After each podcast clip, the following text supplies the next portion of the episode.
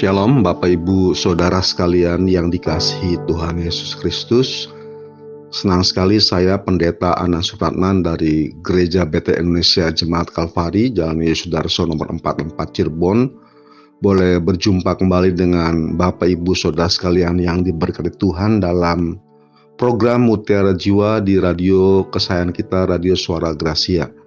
Saudara sekalian, sebelum saya menyampaikan sharing firman Tuhan pada hari ini, saya rindu mengajak Bapak Ibu Saudara sekalian untuk bersama-sama bersatu hati di dalam doa biar pimpinan Roh Kudus memimpin program kita ini dan setiap pendengar boleh mendapat berkat firman Tuhan, berkat rohani dari apa yang saya sharingkan pada saat ini. Saya mengajak saudara semuanya mari kita bersatu di dalam doa. Bapa di surga, di dalam nama Tuhan Yesus Kristus, hamba bersyukur dan berterima kasih kalau hamba masih diberikan kesempatan untuk boleh membagikan sharing berkat firman Tuhan pada hari ini.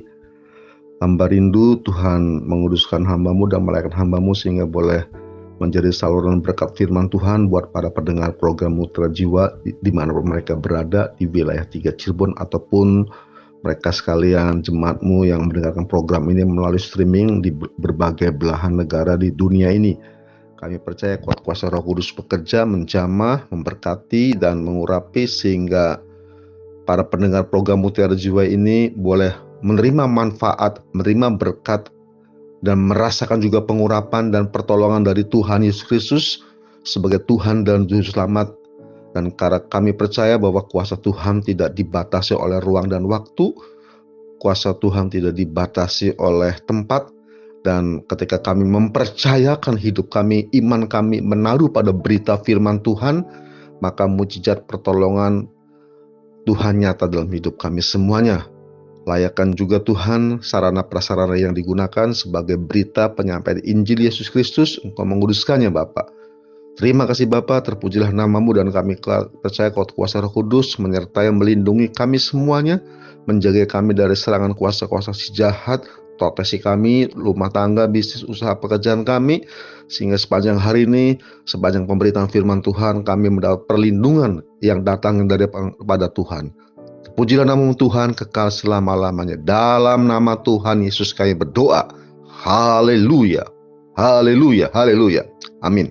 Puji Tuhan. Sekali lagi, saudara sekalian, pendengar program Mutiara Jiwa di mana pun Anda berada, saya bersyukur dan berterima kasih diberi kesempatan untuk boleh menyampaikan sharing firman Tuhan. Dan judul atau topik yang akan kita renungkan bersama-sama tentunya hari ini berkaitan dengan peristiwa Jumat Agung, peristiwa besar yang senyap kalau saya boleh mengatakan demikian. Peristiwa besar yang senyap tetapi maknanya tetap tidak berubah. Maknanya tidak senyap, tapi maknanya sangat kuat dan ini merupakan bagian daripada doktrin pengajaran kekristenan kita yang tidak boleh digo digoyahkan. Saudara pendengar program Muter Jiwa, saya akan membacakan ayat firman Tuhan di dalam Yohanes pasal yang ke-19 ayat 28 sampai dengan ayat 30 demikian firman Tuhan. Lembaga Alkitab Indonesia memberikan judul perikop ini Yesus mati. Ayat yang ke-28 dikatakan demikian dalam Yohanes pasal yang ke-19. Sesudah itu karena Yesus tahu bahwa segala sesuatu telah selesai, berkatalah ia, supaya genaplah yang ada tertulis dalam kitab suci Aku haus. Di situ ada suatu berkas penuh anggur asam. Maka mereka mencucukkan bunga karang yang telah dicelupkan dalam anggur asam pada sebatang hisop, lalu mengunjukkannya ke mulut Yesus. Sesudah Yesus meminum anggur asam itu, berkatalah ia, "Sudah selesai." Lalu ia menundukkan kepalanya dan menyerahkan nyawanya. Saudara sekalian, jemaat Tuhan yang dikasihi Tuhan Yesus Kristus, pendengar program Mutiara Jiwa. Dari ayat-ayat firman Tuhan yang saya bacakan pada saudara semuanya ini merupakan ayat-ayat dasar dalam sebuah rangkaian pengajaran dasar pokok-pokok iman Kristen. Kenapa saya katakan sebagai rangkaian pengajaran dasar pokok-pokok iman Kristen? Karena pengajaran dasar iman Kristen sedikitnya didasari oleh lima pengajaran dasar, lima pokok pengajaran dasar. Kalau boleh saya katakan secara garis besar, pertama-tama kita harus meyakini tentang kelahiran Yesus di muka bumi ini, saudara sekalian. Tetapi kita juga tidak cukup Yesus lahir, tetapi pengajaran dasar berikutnya yang harus kita pegang baik-baik, kita meyakini juga tentang kematian Tuhan Yesus. Kita mengenalnya dengan istilah Jumat Agung, saudara sekalian. Dan ini topik yang akan kita sharingkan, kita renungkan pada pagi hari ini. Tetapi dari kematian saja tidak cukup, saudara sekalian. Maka kita harus meyakini bahwa Yesus itu pada hari ketiga bangkit ya saudara sekalian, mengalami kebangkitan. Nah, dalam rangkaian pengajaran dasar berikutnya tidak cukup saja Yesus itu mengalami kebangkitan. Tapi kita meyakini juga bahwa Yesus bangkit lalu dia naik ke sorga, saudara sekalian. Hidup bersama dengan Allah Bapa. Dan setelah proses Yesus naik ke sorga, maka kita meyakini juga sebuah pengajaran berikutnya tentang Roh Kudus dicurahkan Pentakosta di mana kita meyakini Roh Kudus mendampingi kita, Roh Kudus menyertai kita, Roh Kudus memberikan hikmat kepada kita dalam proses perjalanan kita selama kita ada di dunia ini untuk melakukan tugas pemberitaan Injil, untuk melaksanakan tugas dan tanggung jawab kita sebagai orang percaya untuk melakukan tugas dan tanggung jawab kita sebagai orang yang telah menerima amanat agung daripada Tuhan Yesus.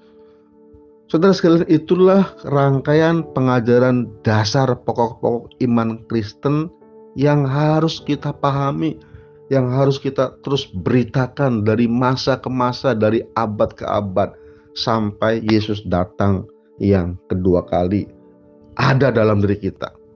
Saudara pendengar program Mutiara Jiwa di mana pun Anda berada, topik hari ini seperti tadi saya sampaikan kita akan memfokuskan diri kepada kematian Tuhan Yesus dengan istilah kita merayakan Jumat Agung.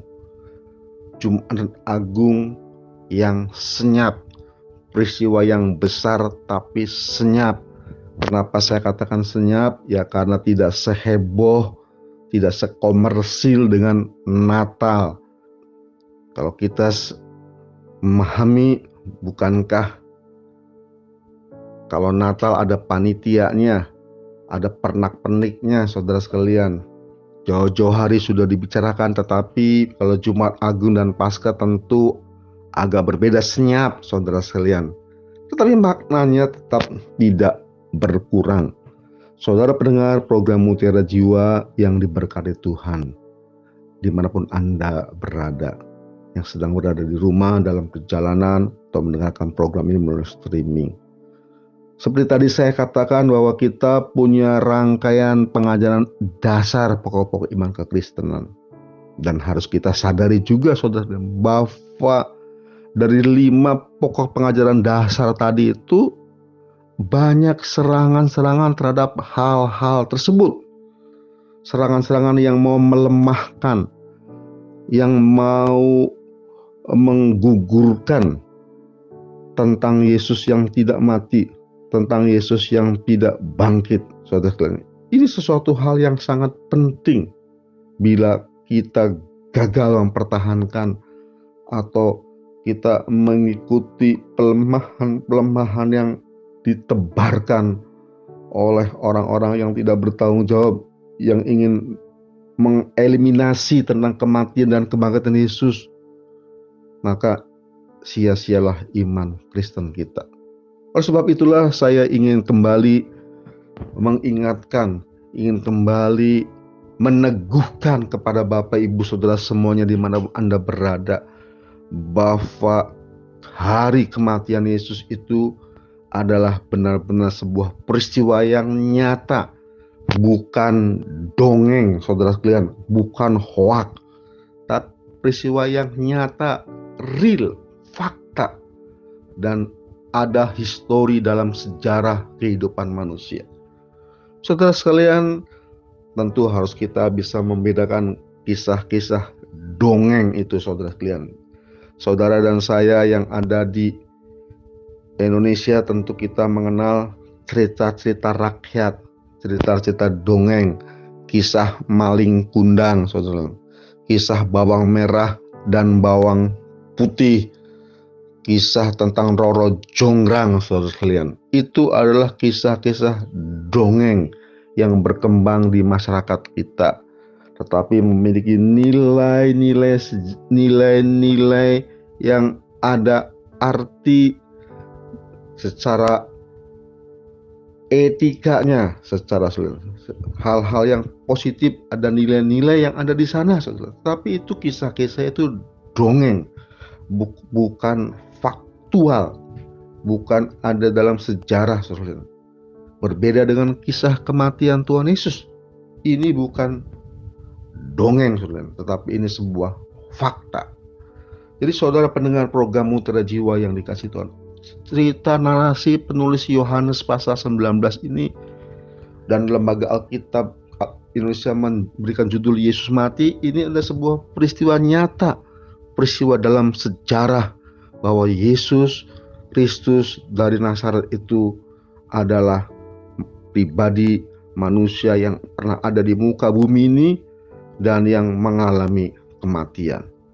Bagaimana proses kematiannya itu saudara sekalian? ada rangkaian yang sangat panjang sebelum Yesus mencapai pada peristiwa Yohanes pasal 19 tentang ayat 28 29 sampai 30 yang saya bacakan tadi. Ada rangkaian-rangkaian dari mulai pengkhianatan Yudas, Yesus dijual, masuk sidang pengadilan di bawah pemerintah, kemudian di bawah, ada peranan Pontius Pilatus. Terus terus saudara sampailah pada Yohanes pasal 19. Dan Yohanes pasal 19 khusus ayat 28 yang tadi yang saya bacakan di dalamnya juga ada sedikitnya ada dua kata-kata dari tujuh ungkapan yang Yesus ungkapkan sebelum meninggal dunia, sebelum mati. Ungkapan itu diungkapkan tadi saya baca buat saudara semuanya di dalam ayat yang ke-28. Supaya genaplah yang ada tertulis dalam kitab suci. Aku haus. Saudara sekalian yang dikasih Tuhan.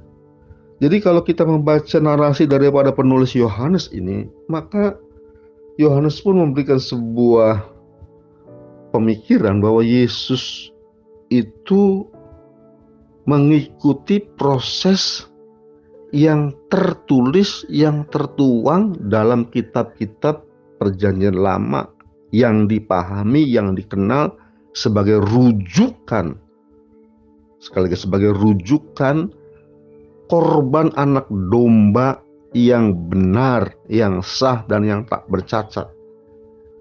Nah, kenapa saya katakan demikian, saudara sekalian? Tentu akar dasar pengajaran kekristenan pada masa kini tidak bisa dilepaskan dari akar dasar pengajaran kitab-kitab perjanjian lama kejadian, keluaran, imamat, bilangan, masmur, dan seterusnya seluruh kitab-kitab raja-raja, kitab-kitab nabi besar, nabi kecil. Kita mengakar, mengiblat, berkiblat kepada hal, -hal di sana. Dan proses salah satu hal proses dalam perjanjian lama itu saudara proses orang seseorang yang dosanya disucikan, dosanya diampuni ada sebuah proses pengorbanan. Ada pengorbanan yang dilakukan dan tingkat puncak tertinggi pengorbanan itu adalah dituangkan dalam Alkitab Perjanjian Baru dijelaskan tentang inilah anak domba Allah yang tak bercacat Nah, jadi saudara sekalian, Yesus sendiri dia memahami rujukan daripada perjanjian lama ini. Prosesnya dia ngikutin sehingga ungkapan aku haus juga dikatakan harus tergenapi. Harus diungkapkan. Saudara sekalian, kalau kita melihat dalam Yohanes pasal 19 ini dalam Alkitab kita ini ada footnote Yohanes 19 ayat 28 ada rujukannya dalam Mazmur 22 ayat 16. Mazmur 69 ayat 22. Jadi merujuk pada perjanjian lama. Bapak Ibu Saudara yang dikasih Tuhan, jadi kita tidak bisa membed tidak bisa maksudnya tidak bisa melepaskan perjanjian lama. Punya korelasi. Ada hal-hal yang sudah digenapi dalam diri Tuhan Yesus, ada hal-hal tetap nilai-nilai filosofinya yang terus dilestarikan saat ini. Jadi kita juga harus sebagai seorang pengajar, sebagai seorang pemberita Injil, kita juga harus memilah-milah bagian-bagian mana dalam perjanjian lama yang sudah tergenapi dalam diri Tuhan Yesus Kristus. Seperti kematian, pengorbanan Yesus, kita tidak perlu melakukan lagi ritual-ritual yang mungkin hanya sebagai simbol-simbol untuk uh, bisa merasakan ya saudara sekalian seperti kita melihat menyaksikan mendengar peristiwa di Filipina. Kalau pada peristiwa Jumat Agung ada orang bawa sal bawa membawa salib kayu salib kemudian dipukul dan berdarah-darah. Ya saudara sekalian ya bisa. Kalau menurut saya sebagai simbol merasakan ya ya sah saja sudah mengingat dan mengenang seperti kita menerima melaksanakan sakramen perjamuan kudus saudara tapi bukan melakukan sebuah ritual lagi supaya kita mendapat pengampunan mencontoh Yesus enggak. Itu ritual yang sudah selesai dalam perjanjian lama. Seseorang perjanjian lama dianggap berdosa seorang yang berdosa dan harus memberikan sebuah korban datang ke bait Allah ada korban yang dipersembahkan ada ada darah yang tertumpah dan setelah itu dia dosanya diampuni.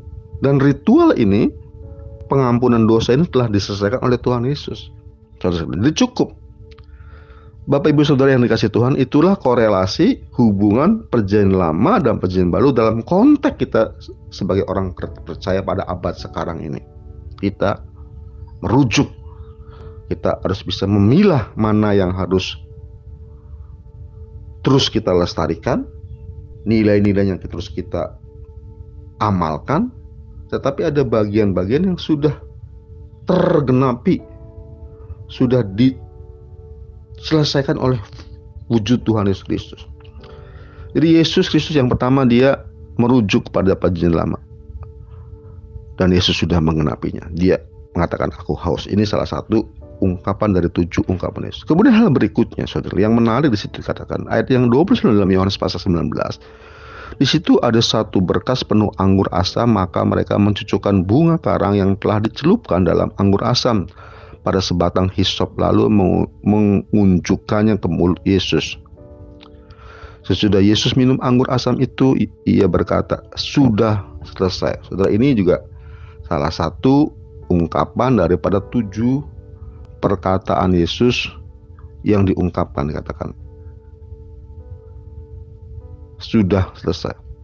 Nah, namun yang menarik di sini kita melihat saudara sekalian wujud daripada pribadi Tuhan Yesus bahwa ini adalah Yesus yang real, bukan Yesus yang di yang digantikan uh, oleh Barnabas atau Barabas atau orang lain, tapi ini Yesus yang real dan Yesus yang merujuk pada perjanjian lama. Saudara sekalian, dalam bagian lain ketika Yesus mengucapkan aku haus ini, ada sekelompok orang memberikan satu anggur yang bercampur dengan mur, saudara. Tapi Yesus tidak menerimanya waktu Yesus bisa tahu, Yesus bisa membedakan. Jadi dalam arti kata, Yesus dalam kesadaran yang nyata sebagai wujud kemanusiaannya, saudara. bukan dalam keadaan fly. Padahal dalam kasus-kasus tertentu orang minum anggur yang bercampur mur itu memiliki kesan atau merujuk kepada suatu hal yang dalam konteks kita sekarang ini ada semacam obat bius mengandung obat bius sehingga ketika orang itu banyak minum anggur yang bercampur mur tidak merasakan rasa sakit yang dialami ketika berada di atas kayu salib ini. Saudara pendengar program Mutiara Jiwa yang dikasih Tuhan Yesus Kristus. Ini sesuatu hal yang luar biasa, saudara. Di dalam kesedihan, di dalam kedukaan, di dalam keprihatinan, di dalam empati yang dalam terhadap diri Tuhan Yesus, maka kita di sini melihat ada satu hal yang kekaguman saya kepada Sang Mesias itu. Kenapa saudara? dia melakukannya sesuai dengan firman Tuhan. Enggak mau minum anggur yang bercampur dengan mur. Tapi Alkitab mencatat sesudah Yesus meminum anggur asam itu, saudara sekalian, dia tetap minum anggur asam hanya untuk uh, meredakan rasa hausnya, saudara sekalian.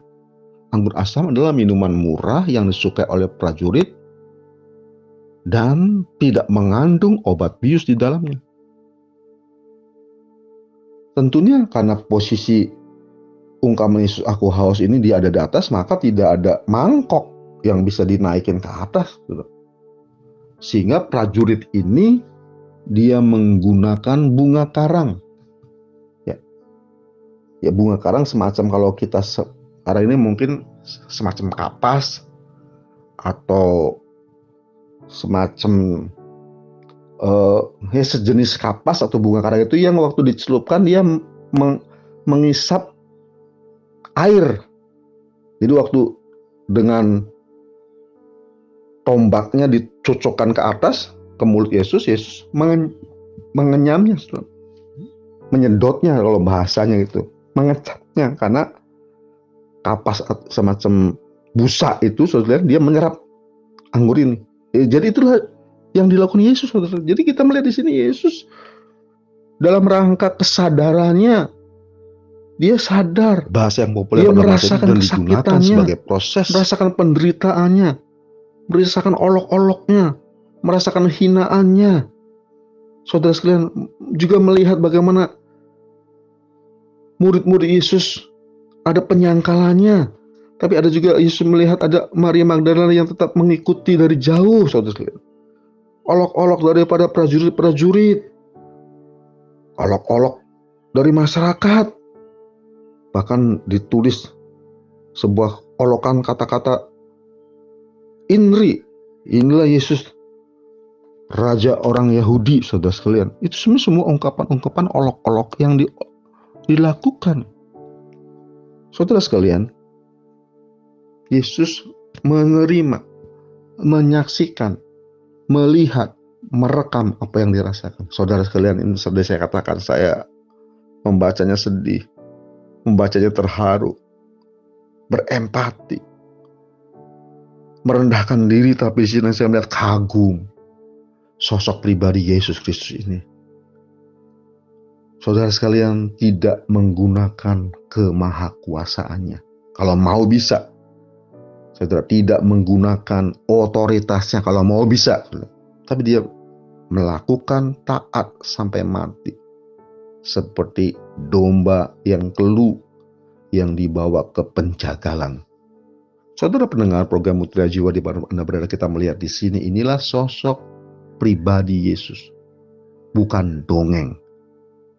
Tetapi real peristiwa historis yang ada Yesus yang ada di muka bumi ini. Saudara sekalian setelah meminum anggur asam ini, lalu ungkapan terakhir sudah selesai. Lalu Yesus menundukkan kepalanya dan menyerahkan nyawanya. Saudara sekalian, inilah peristiwa yang sangat-sangat bersejarah dalam hidup kita. Jumat Agung. Agungnya adalah sosok Yesus yang tetap bertahan dalam penderitaan. Saudara pendengar, mungkin kita perlu memaknai hal ini, saudara sekalian. Hari ini, penderitaan apa yang saudara rasakan? Hinaan apa yang saudara terima? Cacian apa yang saudara dapatkan?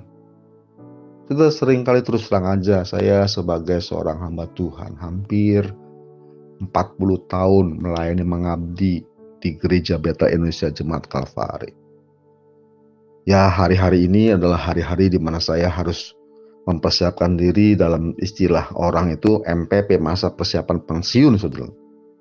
Ya, saya harus memikirkan mempersiapkan generasi berikutnya untuk ambil bagian dalam pelayanan pekerjaan Tuhan.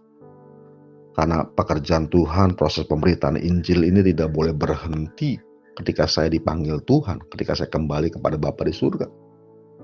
Dan proses mempersiapkan itu bukan seperti proses mempersiapkan seperti seorang yang membalikan tangan harus berbulan-bulan bahkan bertahun-tahun supaya orang bisa mengerti sejarah proses pelayanan di gereja GBI Jepang Kalvari ini, saudara. Ya, saudara. Dalam masa persiapan pensiun ini dalam istilah istilah yang saya gunakan, saudara. Berapa banyak cacian, cercaan, fitnahan, omelan, kata-kata yang negatif, kata yang tidak enak. Saudara, dan saya harus membandingkan dengan apa yang Yesus terima, apa yang Yesus alami. Dan saya akhirnya menyimpulkan, saya belum seberapa. Tidak ada apa-apanya dibandingkan dengan apa yang dialami oleh Tuhan Yesus. Oleh sebab itu, saudara sekalian jemaat Tuhan yang mendengarkan program Mutiara Jiwa di radio kesayangan kita ini, radio Suara Gracia ini, mari kita melihat dalam peristiwa Jumat Agung hari ini. Jangan kita menjadi tawar hati. Jangan kita menjadi pesimis dengan peristiwa, dengan kejadian yang kita alami hari-hari ini. Marilah kita terus membangun iman kita. Yesus sang juru selamat, orang yang kita agungkan, dia melakukan taat sampai mati di atas kayu salib, menyaksikan, merasakan menderitaan, bahkan sakit. Saudara sakit secara fisik itu saya mengalami beberapa kali, saudara sekalian, sakit yang tidak tertahankan istilahnya tuh. Nggak tahan. Mau mau harus berteriak ke dokter tolong saya sakit minta painkiller. Nggak tahan. Yesus kalau saya gambarkan melakukan menerima sudah nggak mau minum anggur yang bercampur dengan mur kan di sana bisa ber, mengandung minuman yang menenangkan obat membunuh rasa sakit tapi tetap minum anggur biasa saudara jadi suatu hal yang sangat luar biasa. Jadi saudara pendengar program Mutiara Jiwa di mana Anda berada. Tidak seberapa kesusahan penderitaan yang kita alami. Mari kita bangkit. Kita terus memberitakan Injil keselamatan.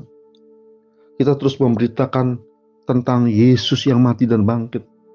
Kita terus melayani, kita terus memberi, kita terus bersaksi sampai akhir hidup kita tidak membuat halangan kata-kata ocehan, omelan terhadap diri kita ini membuat kita berhenti. Tapi justru ini membuat kita lebih bersemangat, bersemangat, bersemangat. Sebab itu saudara pendengar program Mutiara Jiwa di mana pun Anda berada. Sekali lagi mari kita terus bersemangat. Yesus mendapat cemoohan, mendapat olokan. Dan justru olokan itu saudara sekalian menurut saya jadi sesuatu yang positif. Apa? Tulisan yang dekat inilah Yesus Raja orang Yahudi itu ditulis dalam bahasa Yunani, dalam bahasa Latin, dalam bahasa Ibrani. Dan bahasa-bahasa itu Yunani, Latin, Ibrani adalah bahasa-bahasa yang populer pada masa itu. Masyarakat sekelilingnya mengerti tentang tiga bahasa ini,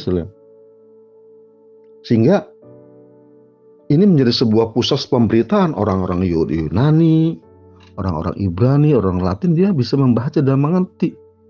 Ini semacam sebuah pemberitaan hinaan yang justru berdampak positif saudara sekalian. Kalau kita memahami bahasa Ibrani waktu itu dipakai untuk mencatat pesan-pesan dari Tuhan. Bahasa Yunani dia dipakai untuk ajaran filsuf, sedangkan bahasa Latin untuk tata hukum kerajaan. Jadi pemberitaan Yesus di waktu-waktu yang akan datang. Jadi saya bisa mengatakan bahwa di dalam penderitaan, di dalam hinaan, tetap di dalamnya ada makna yang positif yang bisa kita terima. Jadi di balik penderitaan yang kita alami ada makna positif yang bisa kita terima. Oleh sebab itu saudara pendengar program Mutiara Jiwa di mana Anda berada, mari kita terus bangkit. Terus bergerak. Terus menyaksikan Injil Yesus Kristus. Dan kita mempercayai bahwa Yesus adalah sosok pribadi yang mati. Yesus adalah sosok pribadi yang mengalami kebangkitan. Di dalam 1 Korintus pasal 15 ayat 14 dikatakan demikian, tetapi apa tetapi andai kata Kristus tidak dibangkitkan, maka sia-sialah pemberitaan kami dan sia-sialah juga kepercayaan kamu. Ini saya katakan ada yang berusaha melemahkan tentang kematian dan kebangkitan Yesus. Dijelaskan juga dalam 1 Korintus pasal 15 ayat 17 dan jika Kristus tidak dibangkitkan maka sia-sialah kepercayaan kamu dan kamu masih hidup dalam dosa. Saudara pendengar program Mutiara Jiwa yang dikasih Tuhan. Jumat Agung yang senyap ini. Tapi maknanya tetap tidak senyap. Kisahnya tidak senyap. Kita terus harus menggembar-gemborkan tentang hal ini. Yesus adalah pribadi yang benar-benar mati. Tapi Yesus juga adalah pribadi yang mengalami kebangkitan. Oleh sebab itu mari saudara sekalian memaknai Jumat Agung pada hari ini dengan terus bergerak. Terus berjuang sampai kali Injil keselamatan di mana pun saudara berada. Karena di dalam Yesus ada kesembuhan, ada mujizat, ada pertolongan. Yakinlah hal ini. Haleluya, haleluya. Amin. Saudara pendengar program Muntah Jiwa di yang dikasih Tuhan, sebelum kita mengakhiri sharing ini, saya ingin mengajak saudara semuanya untuk bersama-sama berdoa. Bapa di surga, di dalam nama Tuhan Yesus Kristus, hambamu menyerahkan seluruh pendengar program Muntah Jiwa yang mendengarkan program ini, baik yang mendengarkan secara langsung ataupun pada waktu-waktu mendatang melalui live streaming atau melalui channel-channel yang lain, hamba berdoa kuat kuasa roh kudus bekerja menjamah mereka semua secara khusus Tuhan. Pada peristiwa Jumat Agung yang senyap ini, ter secara khusus bagi mereka yang mungkin sedang mengalami tekanan, persoalan, penderitaan, tantangan, hampir-hampir memutuskan iman kepada Engkau. Tapi kuat kuasa roh kudus melalui pemberitaan firman Tuhan hari ini mereka dibangkitkan, dikuatkan, dan mereka mulai membayangkan bahwa penderitaan yang mereka alami, penderitaan yang saya alami tidak sebanding dengan penderitaan, kesakitan, kehinaan yang Yesus alami. Tuhan tolonglah kami, Roh Kudus tolonglah jemaatmu, tolonglah para pendengar ini. Mereka kuatkan dan terus mereka bangkitkan supaya mereka terus melayani Tuhan, bersaksi memenangkan jiwa sampai akhir hidup mereka. Ambil doa buat Radio Suara Gracia, berkati kru dana yang dibutuhkan, sarana prasarana yang diperlukan Tuhan cukupkan. Pemerintah kota Cirebon, Tuhan juga berkati. Dan Indonesia yang kami cintai di mana Tuhan tempatkan hambamu di di negara ini. Tuhan berkati semua pimpin. Proses-proses politik yang sedang terjadi Tuhan pimpin. Biarkan negara ini tetap ada dalam kontrol daripadamu Bapak. Damaimu tenteramu turun atas bangsa Indonesia ini Bapak. Terima kasih Tuhan terpujilah namamu dalam nama Tuhan Yesus kami berdoa. Haleluya, haleluya. Amin. Shalom sekalian. Tuhan Yesus memberkati.